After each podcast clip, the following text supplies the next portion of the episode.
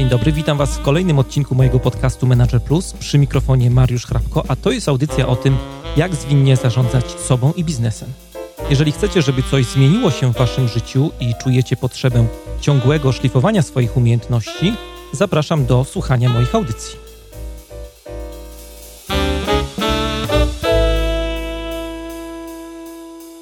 Dzień dobry, witam Was w ostatnim już odcinku naszego minicyklu edukacyjnego pod tytułem Jak budować efektywne zespoły. Dla wszystkich, którzy są tutaj e, po raz pierwszy, to przypominam, że nasz cykl składa się z pięciu odcinków. Dzisiaj jest e, ostatni odcinek. Każdy z tych odcinków jest poświęcony eliminowaniu jednej konkretnej dysfunkcji pracy zespołowej, która pomoże Wam usprawnić codzienną pracę w Waszych zespołach, no i dzięki temu poprawić ich efektywność. Linki do wszystkich pozostałych odcinków od 1 do 4 znajdziecie w materiałach pod e, dzisiejszym wpisem na stronie mariuszchrapko.com. E, dodam jeszcze tylko, że cykl w całości opiera się na modelu Patryka Lencioniego, modelu, który e, bardzo osobiście lubię. No i model ten stosuję też w mojej codziennej pracy z zespołami i liderami w organizacjach. Bardzo mocno przy tych projektach pomagają mi Ola i Ania z teamhackerki.pl, które zajmują się coachingiem zespołów i ten team coaching, które prowadzą jest jednym z elementów bardzo ważny element programów zwinnych transformacji, które wspólnie e, w organizacjach realizujemy, pracując nad rozwojem zwinnych zespołów. No i w tej pracy wykorzystujemy bardzo mocno właśnie model Lencioniego w połączeniu oczywiście z narzędziami coachingowymi. Natomiast chciałbym tutaj bardzo e, wyraźnie podkreślić, że ten cykl e, nie jest dedykowany tylko i wyłącznie dla zespołów, które stosują w swojej codziennej pracy e, metody agile'owe. Wiedza, którą tutaj usłyszycie, jest bardzo szeroka, jest bardzo uniwersalna i na pewno przyda się w każdym zespole projektowym, bez względu na to, w jakiej konkretnej metodzie pracuje. E, w poprzednim odcinku, gwoli przypomnienia, mówiliśmy o y, odpowiedzialności. Co zrobić, żeby ludzie chętniej, bardziej ochoczo przyjmowali odpowiedzialność w zespole. No dzisiaj e, czeka Was wisienka na torcie. Porozmawiamy sobie o tym, co zrobić, żeby ludzie bardziej koncentrowali się na rezultatach. Co zrobić, żeby zespołowi bardziej zależało mm, na wynikach. W pierwszym odcinku tej serii już na samym starcie mówiłem Wam o tym, że nad poszczególnymi dysfunkcjami e, pracy zespołowej wcale nie musicie pracować tak liniowo. E, bo sama praca nad e, budowaniem zespołu bardzo rzadko odbywa się właśnie w taki sposób. Nie ma czegoś takiego jak mm, metodyka budowania zespołu. Jedyna taka słuszna droga, którą musicie przejść, żeby wasz zespół miał e, super performance. Czegoś takiego po prostu nie ma i podobnie jest z dysfunkcjami pracy zespołowej, o których wam tutaj w tej serii opowiadam. Zwłaszcza ostatnia dysfunkcja, ta, o której będziemy dzisiaj mówić, jest tego najlepszym przykładem. No bo przecież y, od samego początku, jak budujemy zespół, to zależy nam e, na wynikach. O tym marzy śni każdy lider w organizacji, żeby mieć taki zespół, który e, ma efekty, któremu e, zależy na dobrych wynikach, na dobrych rezultatach. Dlatego też nie ma sensu czekać, aż pozbędziecie się wszystkich pierwszych czterech dysfunkcji pracy zespołowej, żeby przejść na taki poziom piąty i pracować właśnie nad osiąganiem dobrych wyników. Takie podejście E, wiąże się z pewnym ryzykiem, że stracicie ze swojego horyzontu, ze swojego pola widzenia e, no, najważniejszy wskaźnik efektywności waszego zespołu. E, wskaźnik, którym są wyniki, dobre wyniki, dobre rezultaty. Co w takim razie robić, żeby zespół koncentrował się na wynikach? Lencioni, który analizuje piątą dysfunkcję pracy zespołowej, dotyka jednej mega ważnej rzeczy, z którą sam bardzo często w pracy z zespołami e, się spotykam. Coś, co niesamowicie utrudnia zespołowi koncentrację na wynikach. E, tym czymś jest to, że członkowie zespołu bardziej jakoś chętniej skupiają się na sobie, na swoich e, indywidualnych interesach niż na interesach zespołu. E, interesy innych osób mają dużo mniejsze znaczenie niż interesy nasze indywidualne. Pracujemy w zespole, ale myślimy o sobie i e, próbujemy się na różne sposoby zabezpieczać. E, ja bardzo często spotykam się właśnie z taką sytuacją, jak zaczynam pracę z nowym zespołem skramowym w firmie. Ludzie, którzy mm, wcześniej pracowali najczęściej w pojedynkę, mieli jakieś takie własne, indywidualne cele i zadania, które przydzielał im najczęściej szef, no to teraz stają przed e, takim dosyć dużym wyzwaniem. Mają grać w jednej drużynie, której są częścią, której są mm, jednym ważnym bardzo elementem. E, mają pracować jako zespół po prostu. I dla wielu osób taka sytuacja, takie doświadczenie jest ekstremalnie trudne. E, tak jak obserwują, chyba mm, największym problemem dla ludzi jest zrozumienie faktu, że indywidualna produktywność nie ma takiego znaczenia nie liczy się tak bardzo co e, produktywność całego zespołu, zespołu właśnie jako e, całości.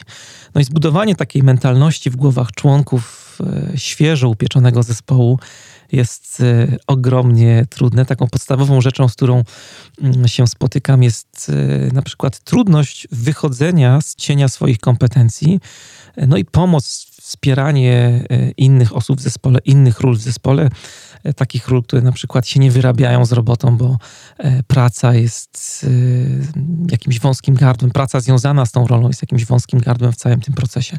Na przykład mm, no, mamy siedmioosobowy zespół, który ma jednego testera i programiści wykonują swoją pracę bez zarzutu, dostarczają biednemu testerowi coraz to nowe, kolejne zadania, żeby on przetestował. No i co z tego, jak ten tester biedny jest jeden i się po prostu z robotą nie wyrabia. No jak chcemy w zespole coś z tym zrobić, to zwłaszcza przy pierwszych próbach mm, słyszę taki często tekst: Ja jestem przecież programistą, mam dobrze programować, a nie testować. To nie ma znaczenia, czy ktoś jest programistą, czy nie, bo słyszałem takie teksty też od analityków, czasami od testerów.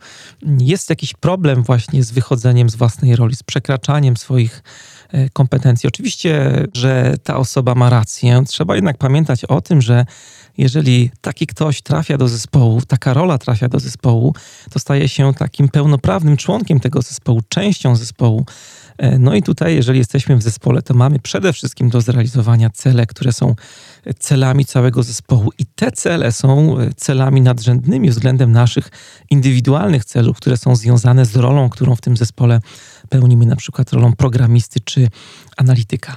E, ja tutaj w całej serii bardzo często e, używam przykładów, które kręcą się wokół Scrama. To wynika głównie z tego, że Scrum jest metodą, którą na co dzień się zajmuję w organizacjach. Używam tej metody do pracy z zespołami, z liderami. No i jest to metoda, która bardzo mocno stawia na pracę e, zespołu przez duże Z. E, I wszystkie takie dysfunkcje, o których tutaj rozmawiamy, jeżeli nie macie takiego zespołu, to bardzo szybko e, wypływają. Ale pamiętajcie też, że mimo tych przykładów z podwórka skramowego, to trzeba pamiętać, że praca zespołowa nie jest tylko i wyłącznie związana z tą czy inną metodą zwinną. Zespół to zespół po prostu. Jeżeli chcecie pracować zespołowo, to praca w zespole po prostu zobowiązuje. No i tutaj lider ma bardzo dużo do zrobienia. Mówimy o tym przez e, wszystkie kolejne odcinki, podczas których się spotykamy. To jest praca nad budowaniem odpowiedniej świadomości w zespole, odpowiedniego mentalu. E, praca, która na samym początku wiąże się przede wszystkim z edukacją. Ja to cały czas tutaj powtarzam. To jest taka rzecz absolutnie podstawowa od której trzeba zacząć, jeżeli myślicie o pracy właśnie nad zwiększaniem efektywności zespołu, nad eliminowaniem dysfunkcji e, pracy zespołowej. Ludzie, którzy mają pracować w zespole, muszą być bardzo świadomi tego, czym ten zespół jest. Co to znaczy, że zespół ma współzależne cele i jak te cele mają się do indywidualnych interesów poszczególnych członków zespołu. To jest tak jak w sporcie. E, weźmy jako przykład sobie piłkę nożną, dyscyplinę, która jest nam dobrze znana. Raczej e, wszyscy się zgodzicie, że na boisku dla każdej drużyny najważniejszym celem jest e, wygranie meczu. I te indywidualne osiągi zawodników tak naprawdę nie mają tutaj żadnego znaczenia. Pamiętam, że kiedyś oglądając jakiś mecz w telewizji było mi smutno, jak drużyna, której kibicowałem, przegrała mecz, co się zdarza czasami często. No i mimo bardzo dobrych statystyk poszczególnych e, zawodników, tego meczu nie wygrali. Jeżeli oglądacie mecze, to na pewno kojarzycie właśnie te różne takie cyferki, które się pojawiają odnośnie zawodników, jak na przykład liczba asyst, liczba celnych strzałów, e, liczba mm, otwierających podań, liczba celnych podań, kontakty z piłką w polu karnym i tak dalej, i tak dalej. Tego jest całe mnóstwo.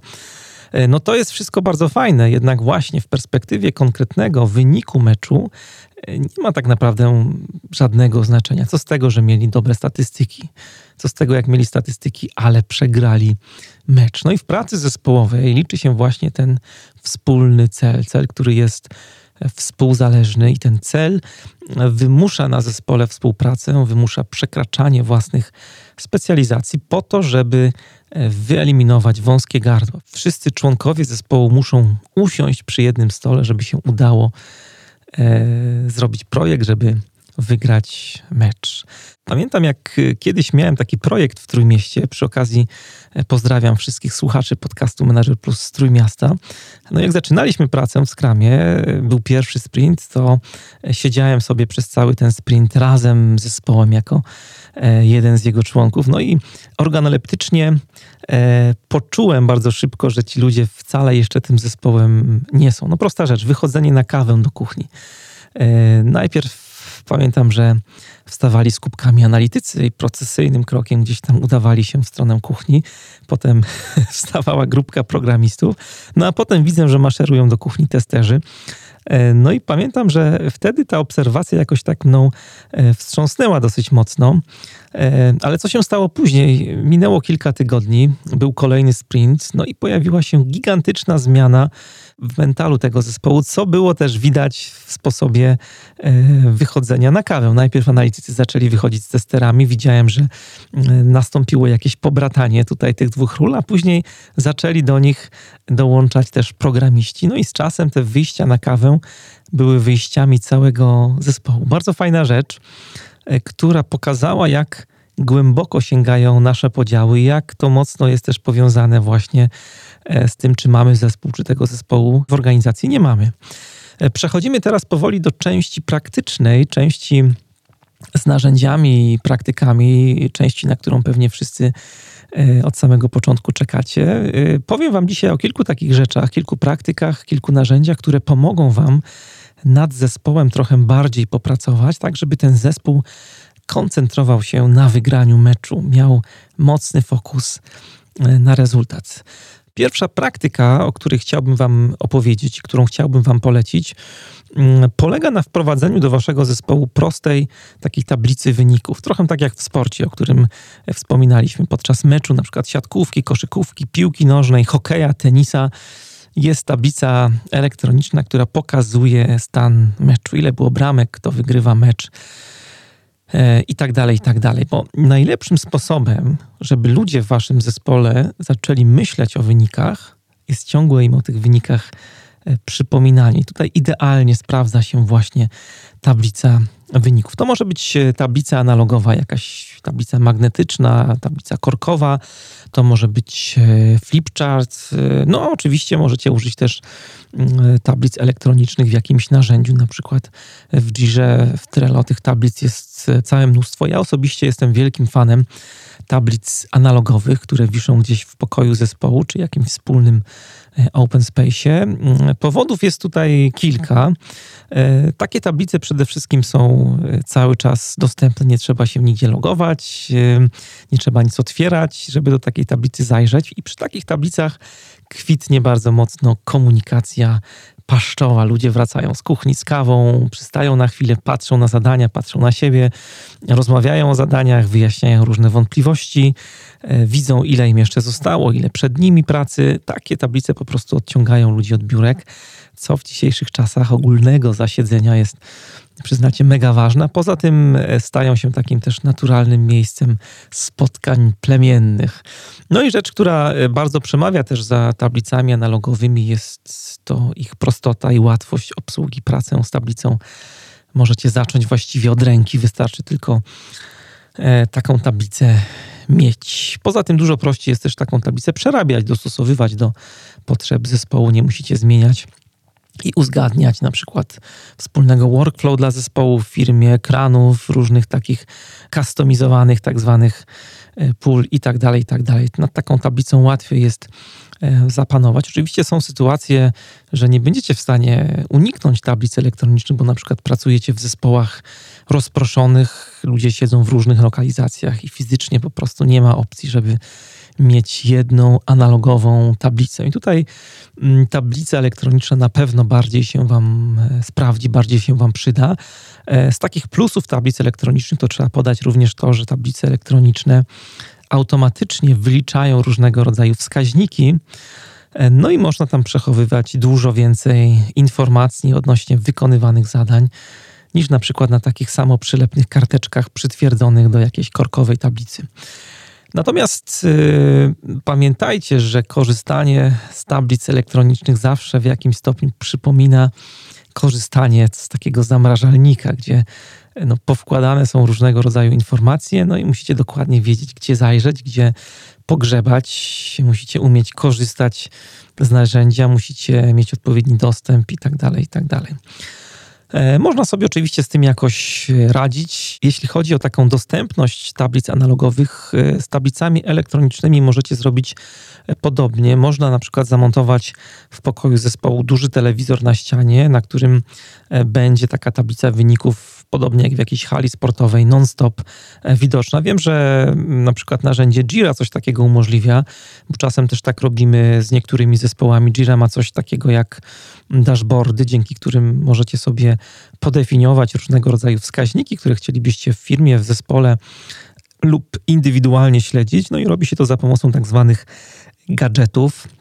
No i jednym z takich gadżetów jest gadżet, który umożliwia wyświetlanie elektronicznej tablicy wyników zespołu na monitorze bądź e, telewizorze i całkiem fajnie to e, wygląda. E, no dobrze, rozgadałem się trochę tutaj o tablicach, natomiast taką decyzję, jaką tablicę wybrać, najlepiej jest zostawić zespołowi, niech zespół zdecyduje. Teraz Wam powiem kilka słów o tym, jak zabrać się za przygotowanie takiej tablicy. No najpierw trzeba zacząć od ustalenia mierników E, które chcecie zbierać, które chcecie mierzyć. Odpowiedzcie sobie na początku na pytanie, jak chcecie mierzyć sukces waszego zespołu. No i od razu dobra rada na początek. Nie wpadnijcie w taką pułapkę mierzenia wszystkiego, bo zespół wtedy bardzo szybko się zrazi do takiej waszej tablicy. No i nie będzie chciał jej utrzymywać, zrobi się bałagan. No i ciężko wam będzie ten temat e, ogarnąć. Dlatego na początek moja dobra rada, zacznijcie od dwóch, trzech mierników, nie więcej. Chodzi o to, żebyście wypracowali sobie w zespole e, naprawdę proste narzędzie mierzenia sukcesu, żebyście mieli narzędzie, które mm, pozwoli Wam się skupić na właściwych priorytetach, na tym, co faktycznie jest dla Waszego zespołu e, najważniejsze. W zdefiniowaniu właściwych mierników sukcesu mm, bardzo fajnie może Wam pomóc metoda OKR, o której opowiem Wam w oddzielnym punkcie, żeby za dużo wątków e, nie mieszać. E, jeśli chodzi o tablicę wyników, e, to podam Wam przykład, e, który się wiąże ze Scrumem, który jest mi bardzo bliski. W Scrumie zespół buduje taką tablicę wyników i utrzymuje ją w ramach konkretnego sprintu pracy. Sprint to jest taka iteracja, taki interwał, który mm, trwa od dwóch do czterech tygodni, no i na koniec takiego okresu powstaje coś, co jest potencjalnie gotowe do wdrożenia, jakiś fragment, jakiś przyrost produktu. No i w tym czasie, w ramach ramach takiego jednego sprintu zespół na swojej tablicy wyników śledzi zadania, które sobie na taki sprint e, zaplanował. Można więc powiedzieć, że zespół wizualizuje e, plan swojej pracy na okres kilku tygodni. E, dodatkową rzeczą, którą zespół skramowy robi, jest śledzenie, ile pracy zostało mu jeszcze do końca w sprincie. Do tego wykorzystywany jest taki prosty wykres, który wisi gdzieś w pobliżu tablicy z zadaniami. Wykres, który obiegowo nazywany jest wykresem spalania pracy w sprincie.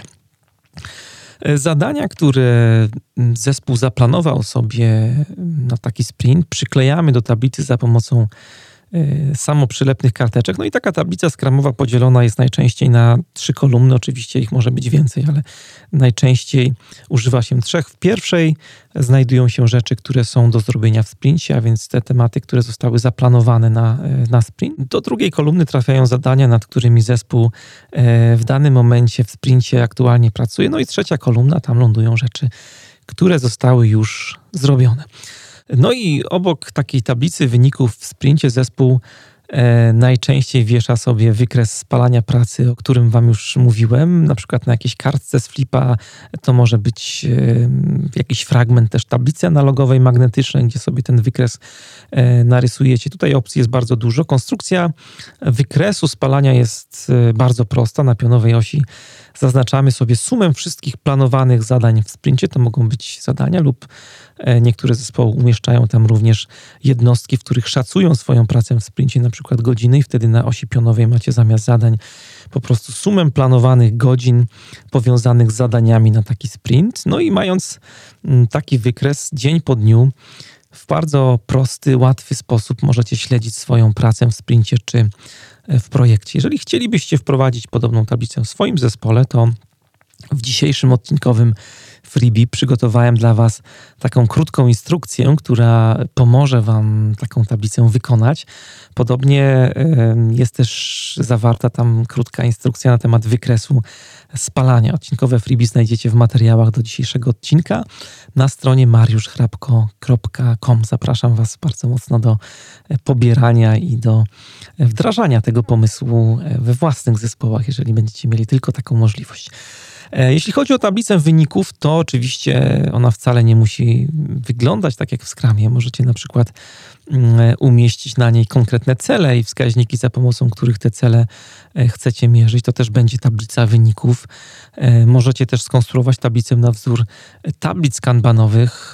Tablice kanban są teraz mm, bardzo popularne. Sam pomysł nie jest nowy, bo pojawił się w latach 50. w Japonii. Ma związek z systemem produkcyjnym Toyoty, w fabrykach Toyoty e, wszędzie można zobaczyć duże znaki, które e, objaśniają, czym się zajmują poszczególne części fabryki. Są takie duże tablice, tak zwane tablice e, Andon. Można na nich zobaczyć status produkcji oraz jakieś informacje, gdzie na przykład potrzebna jest pomoc. Jeżeli pracownik na przykład napotka na jakiś problem, to ciągnie za sznurek właśnie za Andon, no a kierownik i współpracownicy natychmiast wiedzą, że coś jest nie tak, że coś się dzieje, że jakieś stanowisko e, wymaga pomocy. Pociągnięcie za sznurek powoduje, że na hali produkcyjnej uruchamia się jakaś taka specjalna melodyjka, no i na tablicy Andon zapala się żółta lampa, która e, zmienia kolor na czerwony. Jeżeli problem nie zostanie rozwiązany, to wtedy też zatrzymywana jest e, produkcja. Tych tablic z wizualizacją wyników pracy jest w Toyocie całe mnóstwo. E, no i nie czas i miejsce teraz, żebym je dokładnie tutaj omawiał. Natomiast dodam tylko, że tablica Kanban jest jednym z takich podstawowych narzędzi tego systemu i w języku japońskim e, Kanban oznacza po prostu taką kartę sygnalizacyjną, która jest e, wykorzystywana do wizualizacji przepływu części w magazynie. Toyota jako pierwsza uporała się z problemem składowania zapasów w magazynach, których przechowywanie było bardzo kosztowne. No, możecie sobie wyobrazić, że macie duży dom, w którym jeden pokój z góry na dół obłożony jest papierem toaletowym, tak na wszelki wypadek, bo może się przydać. No i analogicznie z podobnym problemem borykało się wtedy sporo firm produkcyjnych, między innymi Toyota.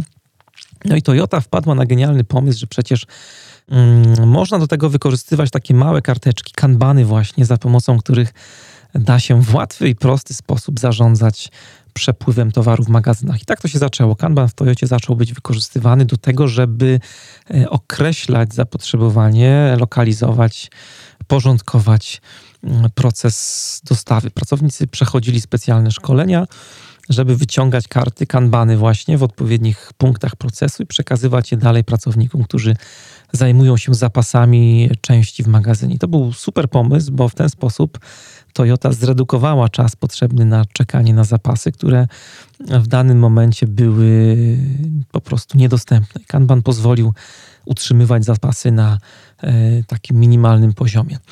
Jeżeli bylibyście zainteresowani filozofią pracy w Toyocie i zasadami, między innymi też chcieli poczytać o kanbanie, to w materiałach do dzisiejszego odcinka znajdziecie link do bardzo fajnej książki na temat tego, jak Toyota funkcjonuje. Napisał ją Jeffrey Liker, książka ma tytuł Droga Toyoty 14 zasad zarządzania wiodącej firmy produkcyjnej świata. Link będzie dostępny we wpisie do audycji. E, no dobrze, wracając do Kanbana, z, z czasem okazało się, że jest to narzędzie, które można zastosować bardzo szeroko. W pewnym momencie pojawił się pomysł, że tablice wizualizacyjne można wykorzystać na przykład do pracy w projektach IT, czy nawet do zarządzania swoją e, osobistą produktywnością. I tablica kanbanowa, e, w odróżnieniu od tablicy skramowej, o której wcześniej Wam opowiadałem, skupia się na wizualizacji całego przepływu pracy. Jeżeli jakieś macie wymaganie na przykład od klienta, nad którym pracujecie w zespole, to tablica skramowa pokaże Wam tylko to, nad czym zespół pracuje w ciągu jednej iteracji, czyli tych kilku tygodni pracy. No natomiast y, tablica kanbanowa pozwoli Wam spojrzeć szerzej, zobaczyć ten big picture, jak to ładnie mówią Amerykanie, e, pozwoli Wam spojrzeć na proces pracy zespołu. W tym wypadku moglibyście sobie zwizualizować na przykład przepływ pracy nad wymaganiem klienta od momentu jego pojawienia się poprzez analizę, poprzez implementację, aż po testy i wdrożenie. Ostatnio jestem zaangażowany w taki bardzo ciekawy projekt, o którym lubię opowiadać, bo jest to projekt niezwiązany z branżą informatyczną, tylko rolniczą, dzięki czemu mam taką bardzo fajną odskocznię od swoich codziennych projektów w firmach IT. E, firma, z którą współpracuję, jest e, producentem róż, anturium i storczyków, a więc branża florystyczna. No i tam właśnie w jednym zespole projektowym zbudowaliśmy tablicę, która jest taką hybrydą dwóch tablic, e, mianowicie tablicy wyników w Scrumie i Kanbanie, ponieważ zespół pracuje w takich krótkich, tygodniowych iteracjach, to stosujemy tablicę skramową, o której wcześniej Wam opowiadałem, ale mamy też taką e, tablicę kanbanową, która zawiera informacje na dużo wyższym poziomie. Pokazujemy, ile jest na przykład pomysłów, z których być może urodzą się jakieś ciekawe projekty w firmie, ile z tych e, pomysłów jest w fazie analizy, iloma z nich chcielibyśmy się zająć w zespole, ile z nich trafia do listy zadań, nad którymi zespół będzie pracował? I tak dalej i tak dalej. Wszystko jest mega przejrzyste, wszystko widać jak na dłoni. Dodam jeszcze tylko, że tablica jest w pełni analogowa i mieści się na jednej dużej e, ścianie. Zajęliśmy całą ścianę w pokoju zespołu. Pamiętam, że projektowaliśmy tę tablicę przez cały dzień i zespół jest z niej bardzo zadowolony, bardzo się zaangażował e, w powstawanie tej tablicy i dzięki temu powstał proces, który jest faktycznie procesem e, tego konkretnego zespołu. Gdybyście byli zainteresowani stworzeniem tablicy kanbanowej w waszym zespole i szukali jakichś praktycznych wskazówek, jak to zrobić, bardzo polecam książkę, którą napisało dwóch panów: Markus Hammerberg i Joachim Sunden. E, jeden i drugi pracowali przez pewien czas w Spotify. E, książka nosi tytuł Kanban, zobacz jak skutecznie zarządzać pracą. Jest naprawdę bardzo praktyczna, polecam ją wszystkim osobom, które chcą zacząć, zaczynają pracę mm, w tej metodzie i myślą właśnie o stworzeniu takiej tablicy. Zaryzykowałbym stwierdzenie, że to nie jest książka do czytania, tylko do wdrażania właśnie. bardzo przyjemnie napisana, jest okraszona mnóstwem wizualizacji, praktycznych przykładów, jak poradzić sobie z takimi typowymi wyzwaniami, pytaniami, dotyczącymi budowania tablic kanbanowych i pracy w ogóle w tej e, metodzie. No i przy okazji takiego intensywnego reklamowania tej książki, to pomyślałem sobie, że to będzie też e, bardzo fajny prezent w naszym podcastowym konkursie. O szczegółach tego konkursu opowiem Wam pod koniec audycji. Książka będzie do wygrania. Kończąc już wątek związany z tablicą wyników, mam wrażenie, że strasznie się rozgadałem. Wszystko dlatego, że chciałbym Wam jak najwięcej przekazać, opowiedzieć, żebyście jak najwięcej skorzystali z tego odcinka i z każdego kolejnego. Pamiętajcie, że wizualizacja jest bardzo potężnym narzędziem, który niesamowicie wpływa na efektywność zespołu. Ja Wam dzisiaj zaproponowałem wprowadzenie tablicy wyników jako narzędzie, które pomoże Wam e, w zespole bardziej skupiać się na dostarczanych rezultatach, ale tych technik wizualizacyjnych jest cała masa i ich stosowanie w różnych momentach pracy zespołu może być dodatkowym, świetnym uzupełnieniem do Waszej tablicy wyników i do pracy nad e, efektywnością. I jeżeli mówimy o technikach wizualizacyjnych, to chciałbym Wam e, polecić jeszcze jedną książkę. Książkę, która jest właściwie zbiorem 96 różnych takich przykładów wizualizacji, które możecie wykorzystać e, w swoim zespole w zasadzie od ręki. Co prawda, tytuł książki sugeruje, że książka zawiera narzędzia dla Agile Coacha, ale tym się zupełnie nie przejmujcie. Techniki wizualizacyjne, które zostały w tej książce pokazane, opisane, możecie spokojnie wykorzystywać w swoim dowolnym zespole, nie tylko tym, który używa metod zwinnych do organizacji swojej pracy. Książka jest dostępna w formie e-booka na Leanpub. Napisał ją Jimmy Jannen, a autorem polskiego tłumaczenia jest Igor Szwedziński. I to też jest książka, która jest bardziej do wdrażania niż czytania. Wybieracie sobie po prostu konkretny temat, który chcielibyście zwizualizować. Te tematy są tam fajnie rozpisane. I do dzieła. Książka pokaże Wam, e, jak dany temat można zwizualizować. Link oczywiście do książki czeka na Was w materiałach pod dzisiejszym odcinkiem.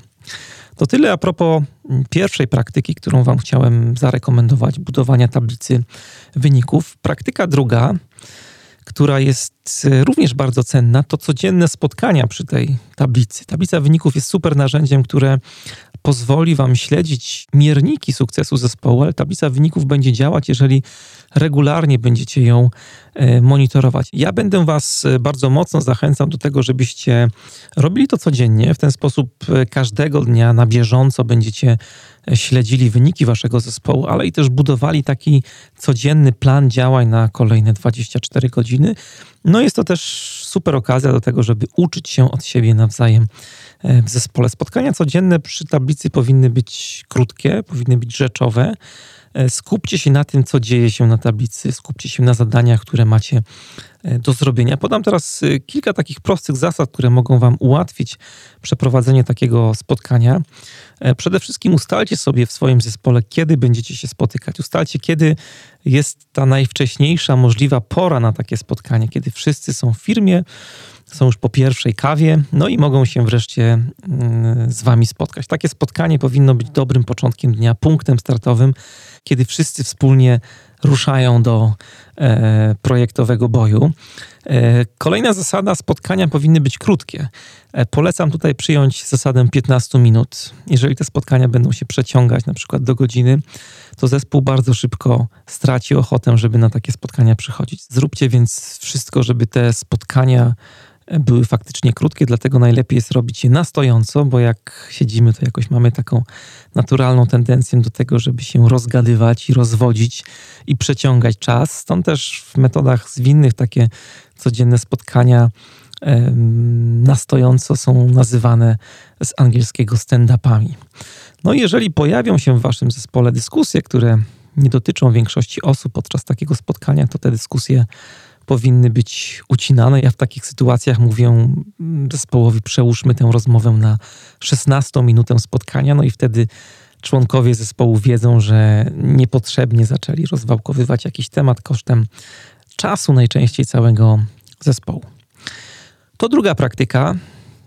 Oprócz tablicy, spotykajcie się codziennie e, wokół tablicy wyników. Praktyka trzecia Macie tablicę wyników, spotykacie się codziennie. Co jeszcze możecie zrobić, żeby zespół bardziej skupiał się na rezultatach? Praktyka, którą chciałbym Wam teraz polecić, może niektórym z Was wydawać się trochę dziwna w kontekście mm, dysfunkcji, o której rozmawiamy, ale uwierzcie mi na słowo, ma ona duży wpływ, duży impact na zespół i e, jego pracę. Chodzi o wzajemne wyrażanie uznania z powodu fajnych dokonań, pomysłów, tego, co się zadziało w zespole.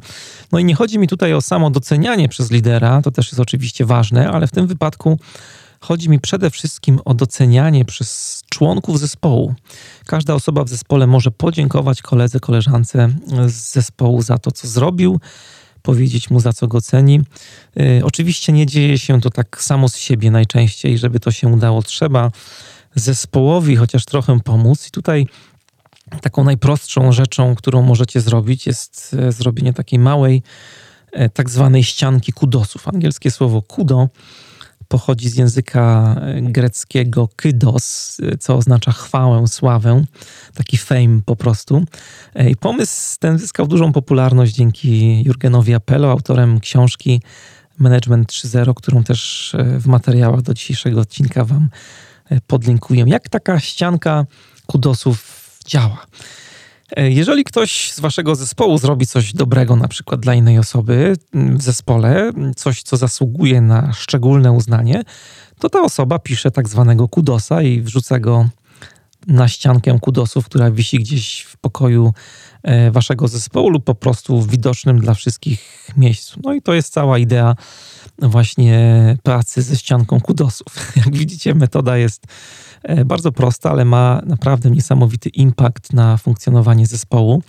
E, no przede wszystkim pielęgnuje taką wewnętrzną motywację w zespole. Nagradza, promuje dobre zachowania w zespole, ale też przyczynia się do budowania i podtrzymywania ducha zespołowości, co jest mega ważne przy pracy nad rozwojem, nad budowaniem zespołu. Każdy z nas potrzebuje uznania za dobrze wykonaną pracę, zespoły, które e, dostrzegają te potrzeby, zazwyczaj osiągają dużo lepsze wyniki niż zespoły, które e, o takich potrzebach po prostu zapominają. E, jak taką ściankę z kudosami przygotować? No, sposobów jest kilka. Jak jesteście bardzo leniwi i macie trochę gotówki w portfelu, to możecie kupić sobie gotowe kartki, pięknie wydrukowane na stronie management30.com. Link będzie oczywiście w materiałach. Natomiast jeżeli nie chcecie robić zakupów, no i nie chcecie wydawać zespołowej kasy, to takie kartki możecie przygotować sobie po prostu sami, ręcznie. Wystarczy kilka kolorowych pisaków, kolorowych kartek. W materiałach zamieszczę Wam też artykuł z przykładami takich kartek i samej ścianki, która została na przykład wprowadzona w firmie Zendex. Być może Was to trochę zainspiruje. No i jeszcze jest trzeci sposób, który polega na zrobieniu takiej kartki przy użyciu generatora online. Jest to pomysł no, trochę słabszy od poprzednich, bo wtedy kartka jest widoczna tylko dla osoby, która ją dostaje. Można oczywiście kartkę umieścić na jakimś profilu społecznościowym. Ten, to narzędzie daje taką możliwość albo dodać więcej osób do maila, no ale ścianka fizyczna, która wisi w pokoju zespołu, to jest zupełnie jednak e, co innego. E, ostatnia praktyka, którą chciałbym Wam e, tutaj zaproponować w kontekście skupiania zespołu na wynikach, to tak zwane okry. OKR to jest skrót od angielskich słów Objectives and Key Results. E, czyli w luźnym tłumaczeniu możemy powiedzieć cele i mierzalne rezultaty. OKR to po prostu taka technika definiowania celów. Po raz pierwszy tę technikę, ten pomysł wprowadzono w latach 70. w firmie Intel, a później bardzo mocno e, okry zostały spopularyzowane przez firmę Google. John Doerr, e, jeden z pierwszych inwestorów firmy Google i obecnie członek zarządu, po raz pierwszy dowiedział się o tej metodzie od Andiego Groove'a e, w czasach jeszcze, kiedy panowie razem pracowali w Intelu. No i jak opowiada Doer, to był czas, kiedy firma Intel przechodziła taką mm, mocną transformację z firmy, która produkowała pamięć RAM e, w kierunku firmy, która e, miała zajmować się mikroprocesorami. No i Andy razem z ekipą menedżerską szukali jakiegoś takiego sprytnego pomysłu, który pozwoliłby pracownikom w firmie skupić się na e, właściwych priorytetach przy okazji tej transformacji, no i ułatwić cały ten proces. To był taki moment, kiedy doszło właśnie do powstania mm, okrów. Dzisiaj ta technika, jak sobie y, pośledzicie różne wystąpienia na konferencjach, pośledzicie internet, to zobaczycie, że jest bardzo popularna liczba artykułów na temat okrów rośnie w tempie ekspresowym, no ale nie ma się też co dziwić, bo jest to pomysł e, bardzo praktyczny, no i dziecinnie prosty, który ma e, jednocześnie gigantyczne przełożenie na pracę zespołu i, i firmy. Te okry można stosować w kontekście pracy indywidualnej, w kontekście pracy zespołowej. Ja tutaj dzisiaj będę Wam opowiadał o okrach właśnie w zespole, ale też możecie wprowadzić okry na poziomie organizacji, tak żeby te wszystkie poziomy ładnie ze sobą pospinać. Jeżeli zaczniecie pracować z okrami, to bardzo szybko zobaczycie, że ogromną zaletą tej metody jest jej e, prostota. Osoby, które nie przepadają za wyznaczaniem celów metodą SMART, ja się do tej grupy właśnie zdecydowanie zaliczam, to okry na pewno pokochają miłością od e, pierwszego wejrzenia. SMART e, jako metoda stawiania celów no nie jest jakoś specjalnie skomplikowana. No ale y, przypomnijcie sobie te wszystkie momenty w swoim życiu, kiedy próbowaliście tej metody używać. No właśnie, mimo że o tej metodzie trąbi się na różnych szkoleniach i wszyscy mówią, że nasze cele powinny być smart, no to jednak e, sama metoda jest w moim przekonaniu mega niepraktyczna w użyciu. Po pierwsze, potrzeba trochę czasu na początku, żeby jej się nauczyć, żeby dobrze definiować te cele, żeby spełniały wszystkie mm, wymagane magiczne kryteria, żeby były e, odpowiednio, tu się muszę mocno skupić na literkach, e, S, czyli żeby były mocno sprecyzowane, M, czyli żeby były mierzalne, e, A, żeby były mm, atrakcyjne, RK, żeby były realistyczne, no i te, żeby te cele były terminowe. Uf, udało mi się wymienić wszystkie kryteria. Pamiętam, że kiedyś rozmawiałem w podcaście z Marcinem Kwieciskim, który stoi za marką Ogarni Chaos na temat właśnie wyznaczania celów metodą SMART i tego, że no jest to mimo wszystko metoda trudna do zastosowania, zwłaszcza jeżeli ktoś dopiero zaczyna swoją przygodę e, z celami. No i przyznał, że ma tutaj lekarstwo na Smarta. To lekarstwo to jest jego autorski model Zoom, który jest dużo prostszy od Smarta, ale ja i tak uważam, że okry są mimo wszystko najprostsze. Mm, rozmowę z Marcinem podlinkuję również e, w materiałach do dzisiejszego odcinka. I ta prostota okrów e, to jest naprawdę duża zaleta stosowania tej metody e, w zespole i organizacji. Dlaczego okry mogą się Wam przydać?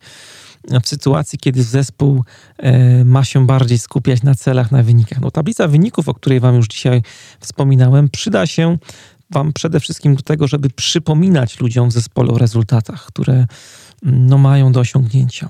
Okry natomiast pomogą Wam doprecyzować, co chcecie mierzyć, jakie rezultaty chcecie monitorować. Okry pomogą Wam opracować własne mierniki sukcesu. W Scrumie podawałem Wam przykład związany z tą metodą. Zespoły sobie patrzą e, na e, plany, na zadania, które są realizowane w ramach konkretnego sprintu i ile czasu zostaje nam jeszcze do końca takiego sprintu. E, na tablicy wyników zamiast zadań oczywiście mogą się pojawić konkretne cele zespołu, który zespół sobie zdefiniował. Dlatego okry są bardzo fajnym uzupełnieniem, dodatkiem, bonusem do właśnie tablic e, wyników. To jest treść tego, co na tych tablicach może po prostu zawisnąć. Na co zwrócić uwagę przy definiowaniu okrów? Jest kilka zasad, o których powinniście pamiętać, stosując to podejście, tę metodę. Po pierwsze, te cele powinny być ambitne.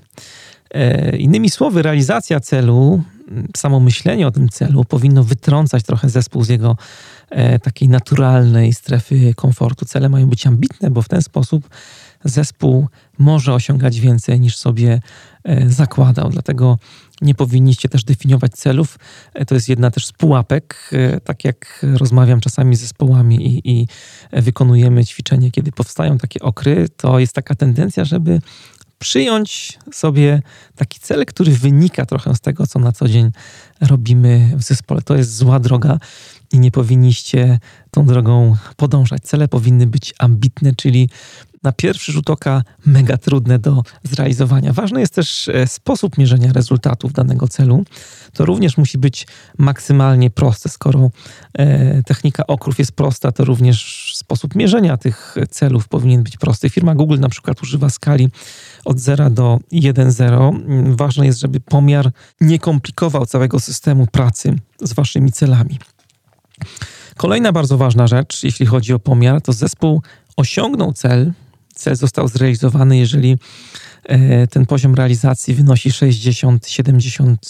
Nie musicie więc się spinać, żeby e, zrealizować cel na poziomie 100%. Jeżeli Wam się to uda, to będzie e, taki prawdziwy delighter. Natomiast wystarczy 60-70% realizacji celu, żeby można powiedzieć, że on został zrealizowany. Jeżeli cel będzie odpowiednio ambitny, to E, prawdopodobnie jego spełnienie na poziomie 100% będzie mm, dla waszego zespołu zawsze dużym wyzwaniem. Z kolei, jeżeli będziecie zawsze też bez najmniejszych problemów osiągać 100% realizacji celu, to znaczy, że ten cel jest prawdopodobnie zbyt mało ambitny dla waszego zespołu. E, jeżeli zrealizujecie cel poniżej 60%, to też jest e, taka informacja dla zespołu, że następnym razem powinniście wprowadzić jakieś usprawnienia przy definiowaniu kolejnych mm, okrów. E, okry nie powinny być też używane jako część programu oceny pracowniczej w firmie. To jest mega ważna rzecz. Jeżeli potraktujecie to jako część procesu właśnie oceniania pracowników, to no, ubijecie całą ideę.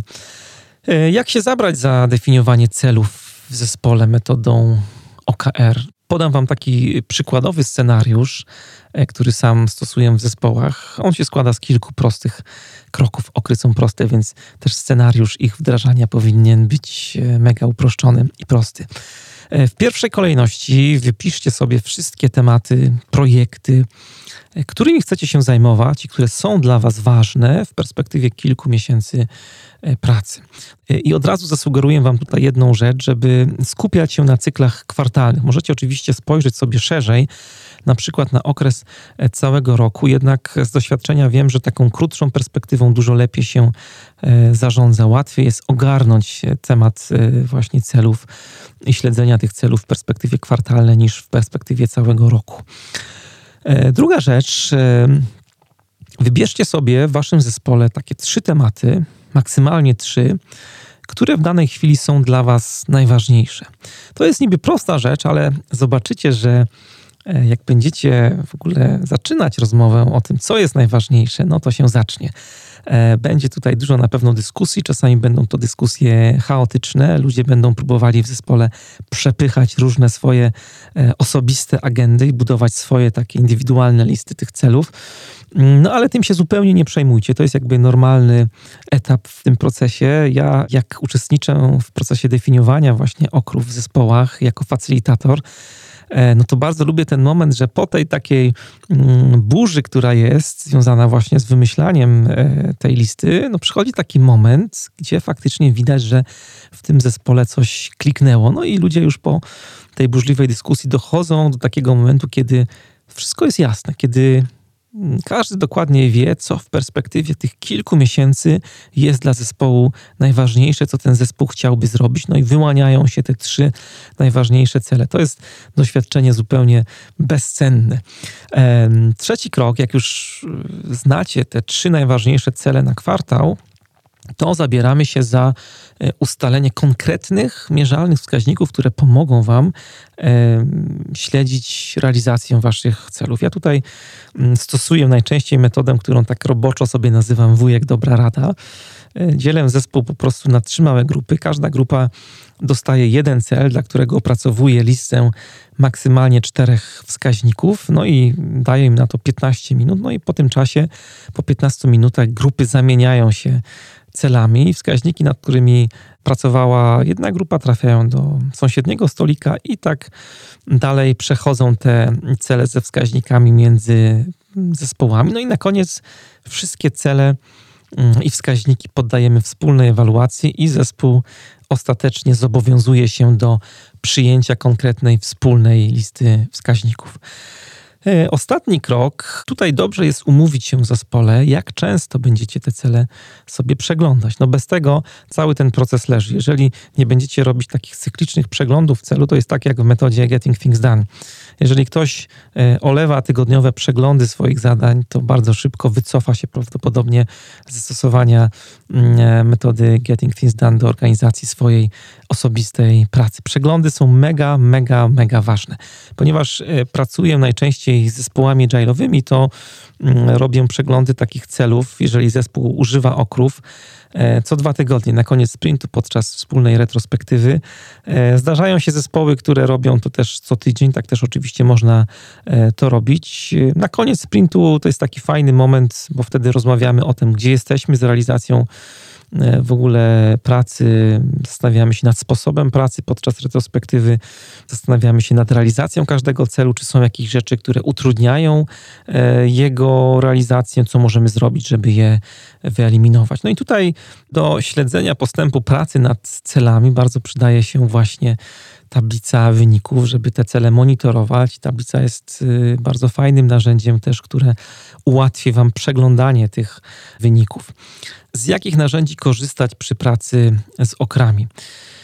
Odpowiedź jest prosta, z najprostszych, ponieważ, no jak sami widzicie, okry są bardzo proste. Ustalacie, co macie do zrobienia i działacie po prostu. Tak samo powinno być również z narzędziami, które mają Wam ułatwić korzystanie właśnie z tego narzędzia, z tej metody.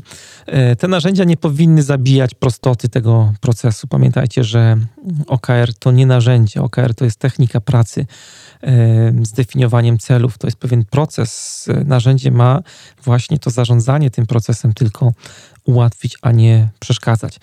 Jeśli chodzi o narzędzia, to na poziomie zespołu, w nawiązaniu już do tej praktyki pierwszej, o której Wam mówiłem, tablicy wyników, najprostszą rzeczą, którą możecie zrobić, jest wykorzystanie właśnie tablicy analogowej, na której rozpiszecie cele swojego zespołu. Można też do tego wykorzystać kartkę z flipa, no i pojawią się tam e, obok każdego celu e, mierniki związane z jego realizacją i rating każdego celu, ocena, jak e, daleko jesteście z jego realizacją.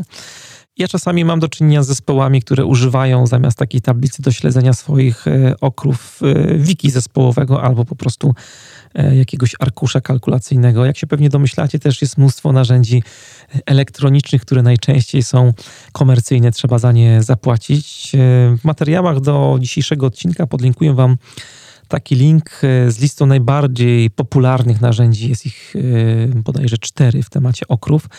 E, będzie tam krótkie podsumowanie, będzie cena, jakie poziomy zarządzania celami wspiera, no bo możecie mieć, tak jak mówiłem już dzisiaj, e, te cele powiązane między celami okrami organizacyjnymi, między celami zespołu, a celami indywidualnymi. Tak robi na przykład e, firma Google. Te cele są obsługiwane kilkupoziomowo. E, no i też e, pod tym linkiem poczytacie sobie o takich kluczowych funkcjonalnościach, które są powiązane z poszczególnymi narzędziami. Oczywiście oprócz tych narzędzi komercyjnych i tego, co powiedziałem, możecie też zrobić sobie jakąś prostą stronkę swoją do zarządzania okrami, e, okrami swojego zespołu. Tak też robi na przykład firma Google. Mm, no i wreszcie możecie to też jest fajny pomysł, zaadaptować narzędzie, z którego już korzystacie na co dzień w swoim zespole. Mm, w materiałach do y, audycji podlinkuję Wam też fajny artykuł, który pokazuje, jak na przykład okry można wprowadzić y, w Asanie, narzędziu do zarządzania pracą zespołu. Sporo zespołów z Asany korzysta, więc będziecie mieli ciekawą inspirację, co można z tym zrobić. Natomiast, y, tak jak mówiłem wcześniej, podkreślam to jeszcze raz, narzędzie jest tutaj tylko środkiem do osiągnięcia celu. Jest to rzecz zupełnie wtórna i na początek, żeby nauczyć się w ogóle pracy z okrami, sugerowałbym zastosować najprostsze z możliwych rozwiązań.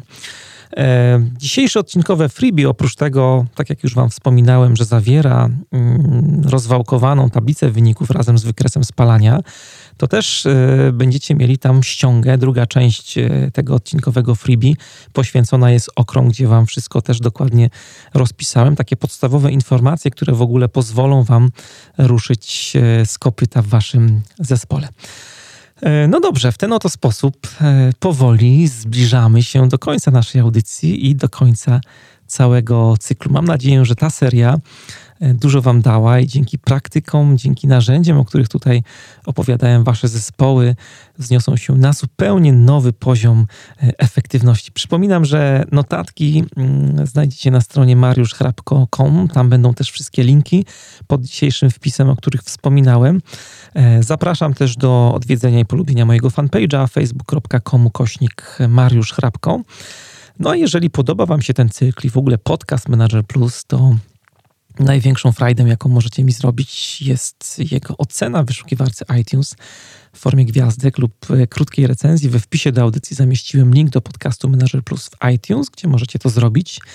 E, dzięki tym Waszym głosom, o które bardzo zabiegam przy każdym odcinku, mój program będzie po prostu lepiej zauważalny, będzie się go dało łatwiej wyszukać w iTunesie, a dzięki temu będę mógł docierać do jeszcze szerszego grona odbiorców E, z góry ogromne dzięki za wszystkie miłe głosy, które od Was otrzymuję.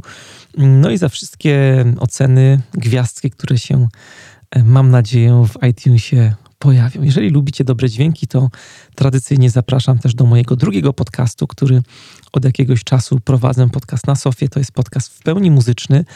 E, prezentuję tam muzykę, którą po prostu lubię i słucham na co dzień właśnie na Sofie. Jeżeli szukacie takiej dobrej muzykoterapii, to bardzo zapraszam. No ale, no ale, bym był zapomniał, przecież obiecałem wam konkurs. No więc przypominam, że w dzisiejszym konkursie do wygrania jest książka, którą napisało dwóch panów, Markus Hammerberg i Joachim Sunden. E, o książce już wcześniej opowiadałem i myślę, że drugi raz nie muszę jej reklamować. Tytuł książki to Kanban. Zobacz, jak skutecznie zarządzać pracą. Co trzeba zrobić, żeby wygrać? Wystarczy, że w komentarzach do dzisiejszego odcinka odpowiecie na następujące pytanie: do czego wykorzystacie metodę Kanban w waszym zespole? Z nadesłanych propozycji wybiorę najciekawszą odpowiedź, a jej autor otrzyma nagrodę. Konkurs potrwa do czwartku, a w piątek w komentarzu do jego wpisu z przyjemnością ogłoszę wyniki. Trzymam mocno kciuki i czekam na Wasze odpowiedzi. Ja się nazywam Mariusz Hrabko. Trzymajcie się i do usłyszenia niebawem.